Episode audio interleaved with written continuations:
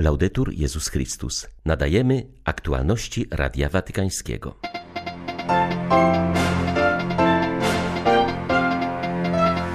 Na zmiany klimatyczne potrzebna jest zbiorowa odpowiedź całej ludzkości, uważa kardynał Pietro Parolin. Nie łudźmy się, że skandale w kościele mamy już za sobą, ostrzega ksiądz Hans Zollner. Zmieniło się już prawo, nie zmieniła się jeszcze nasza postawa, uważa watykański specjalista od ochrony nieletnich. Na skutek trwającej od 10 lat wojny połowa syryjskich dzieci nie chodzi do szkoły, alarmuje UNICEF. 26 stycznia witają Państwa ksiądz Krzysztof Ołdakowski i Krzysztof Bronk. Zapraszamy na serwis informacyjny. Istnieje potrzeba opracowania globalnej i wspólnej, długoterminowej strategii opartej na konkretnych zobowiązaniach oraz połączenia walki ze zmianami klimatycznymi wraz z walką z ubóstwem. To wezwanie watykański sekretarz stanu skierował w przesłaniu do uczestników szczytu w sprawie adaptacji do zmian klimatycznych.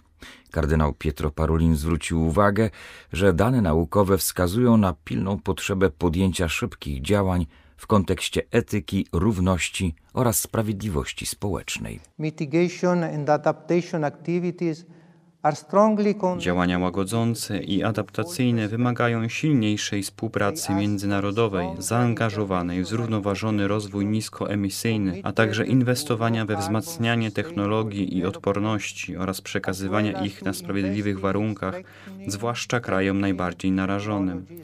Zadanie to jest trudne i złożone, ale wiemy, że dysponujemy wolnością, inteligencją i zdolnością do przewodzenia oraz kierowania technologią, a także oddania jej w służbę innego rodzaju postępu, takiego, który jest bardziej ludzki, społeczny i integralny. Powinniśmy również pokazać, że mamy wolę polityczną i motywację, aby rozwijać to przyszłościowe przedsięwzięcie.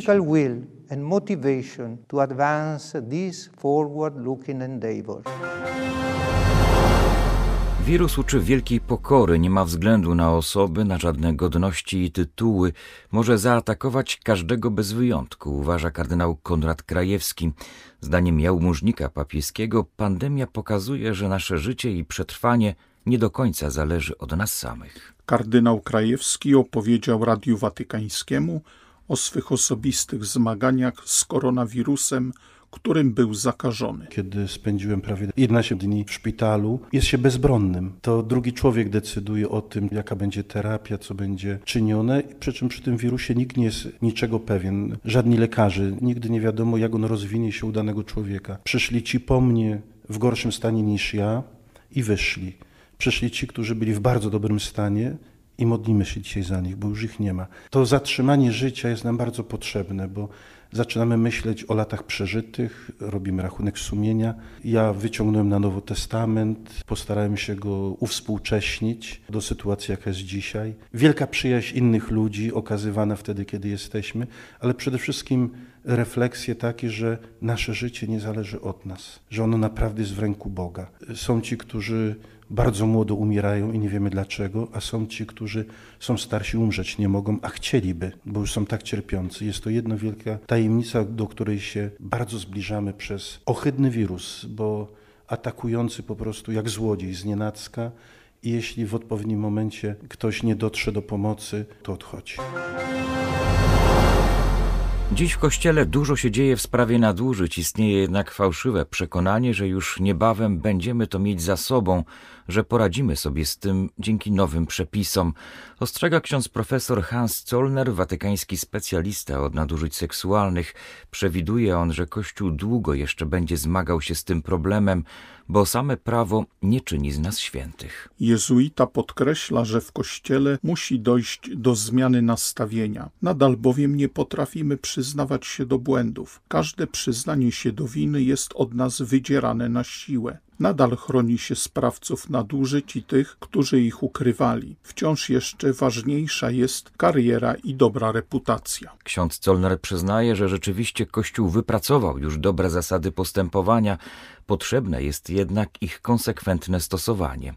Katolicy muszą też zdać sobie sprawę, że zapewnienie bezpieczeństwa nieletnim jest obowiązkiem wszystkich, a nie tylko duchowieństwa czy etatowych pracowników Kościoła. Członek papieskiej Komisji do Spraw Ochrony Nieletnich z całą mocą podkreśla, że nie istnieje żaden związek między nadużyciami i celibatem.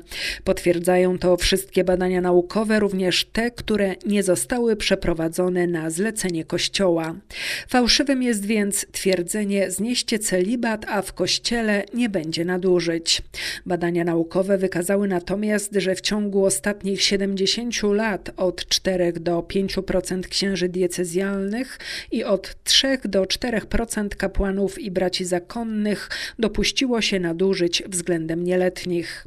Przypuszcza się, że jest to ten sam odsetek, co w takich kategoriach zawodowych jak trenerzy sportowi, nauczyciele, psycholodzy czy lekarze, dodaje ksiądz profesor Zollner. Zastrzega zarazem, że w wypadku nadużyć w kościele błędnie używa się pojęcia pedofilia.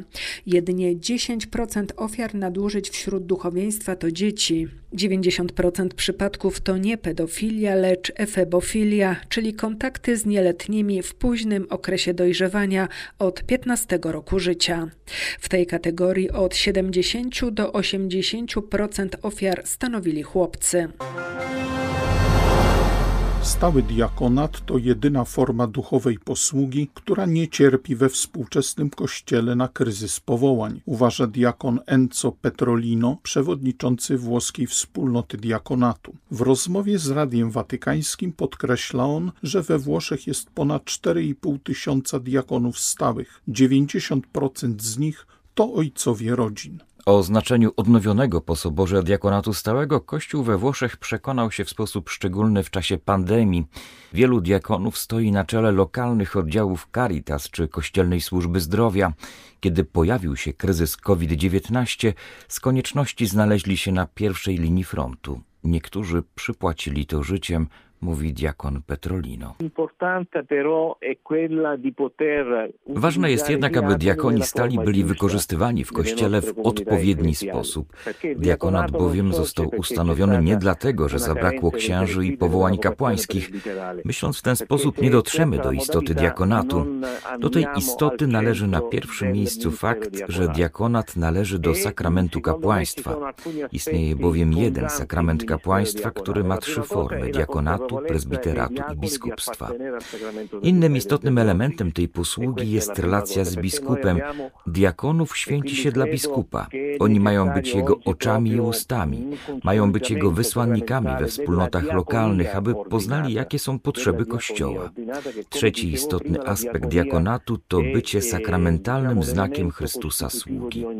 Posługa diakonatu ma być miejscem, w którym można zrozumieć kenozę, uniżenie Boga, który w Chrystusie Chrystusie stał się sługą. Dlatego tak ważne jest dzisiaj wzmocnienie diakonatu i ponowne jego odkrycie w naszych wspólnotach. Zostaliśmy wyświęceni na diakonów, ale żyjemy w świecie, mamy swoją rodzinę, wykonujemy swój zawód. Na tym polega piękno i nowość diakonatu w Kościele.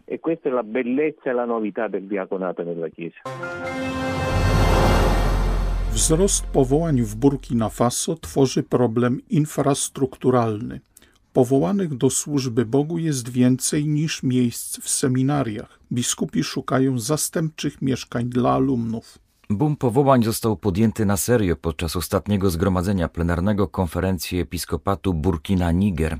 Zwrócono uwagę, że potrzebna jest odpowiednia infrastruktura zarówno dla zakwaterowania, jak i dla formacji seminarzystów, to znaczy miejsca wykładowe, aule czy biblioteki.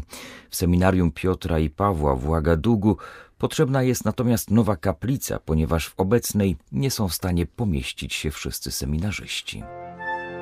Aktualności Radia Watykańskiego. We Francji trwa debata nad nową ustawą bioetyczną, o której przyjęciu w najbliższym czasie zadecydować ma tamtejszy senat budzi wiele kontrowersji, ponieważ pozwala na aborcję praktycznie aż do porodu ze względu na niepokój psychospołeczny matki oraz wprowadza zapłodnienie in vitro dla par lesbijskich i samotnych kobiet. Ustawa przyzwala też na genetyczne modyfikowanie embrionów i tworzenie chimer. Problem ten jest ignorowany w debacie publicznej. Temu niepokojącemu tematowi szczególną uwagę poświęcił katolicki tygodnik Famille Chrétienne. Publikując obszerne dosie na temat chimer i eksperymentów na zarodkowych komórkach macierzystych. Przypomniano, że obecnie francuskie prawo zakazuje takich praktyk. Gdyby nowa ustawa bioetyczna przeszła w obecnej wersji, pozwalałaby na modyfikację ludzkiego embrionu przez dodanie komórek pochodzących z innych gatunków. Celem tworzenia zwierzęco-ludzkich chimer jest m.in. wytwarzanie u zwierząt ludzkich organów do przeszczepów. Ten projekt wciąż jest bardziej hipotetyczny, ale budzi alarm o coraz dalsze przesuwanie granic bioetycznych. Ksiądz Brice de Malherbe przypomina, że etycznym problemem jest m.in. niszczenie ludzkich embrionów, co ma miejsce przy eksperymentach na zarodkowych komórkach macierzystych. Wskazuje, że wiele zastrzeżeń budzi też pomieszanie człowieka ze zwierzęciem, do którego mogą prowadzić chimery. To byłoby przekroczenie granicy, którą należy chronić, wskazuje Blanche Streps z Przymierza na rzecz życia. Dla prawnika Jean-René Bineta zezwolenie na chimery rodzi przede wszystkim pytanie o kwestię uczłowieczenia embrionów zwierzęcych. Wielu naukowców przestrzega, że jeśli struktura chromosomalna embrionu zwierzęcego zostanie zmieniona, to istnieje ryzyko, że sama natura embrionu zostanie przekształcona.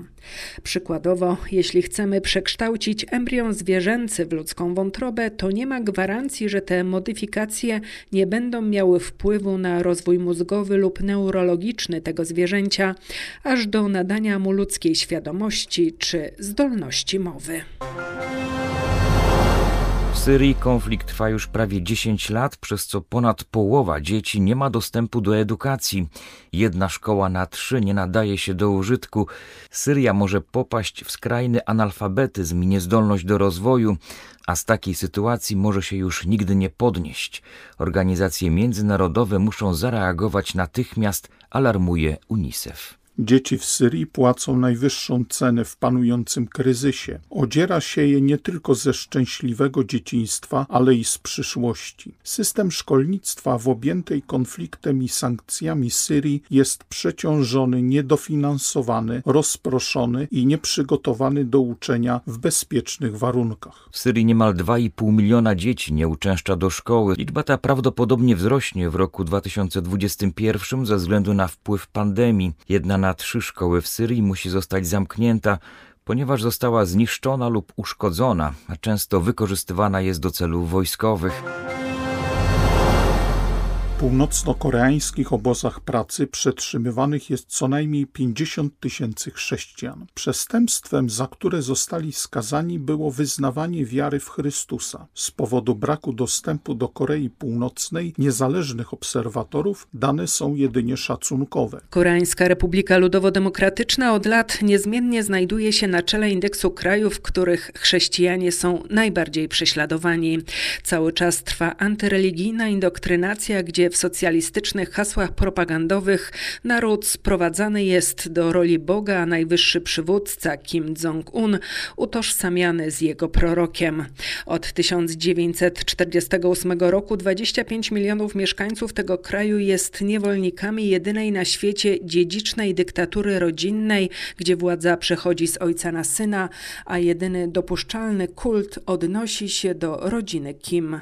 ONZ-owski raport informuje, że za posiadanie Biblii czy modlitwę bez jakiegokolwiek procesu trafia się do ciężkich gułagów, z których wielu nie wraca.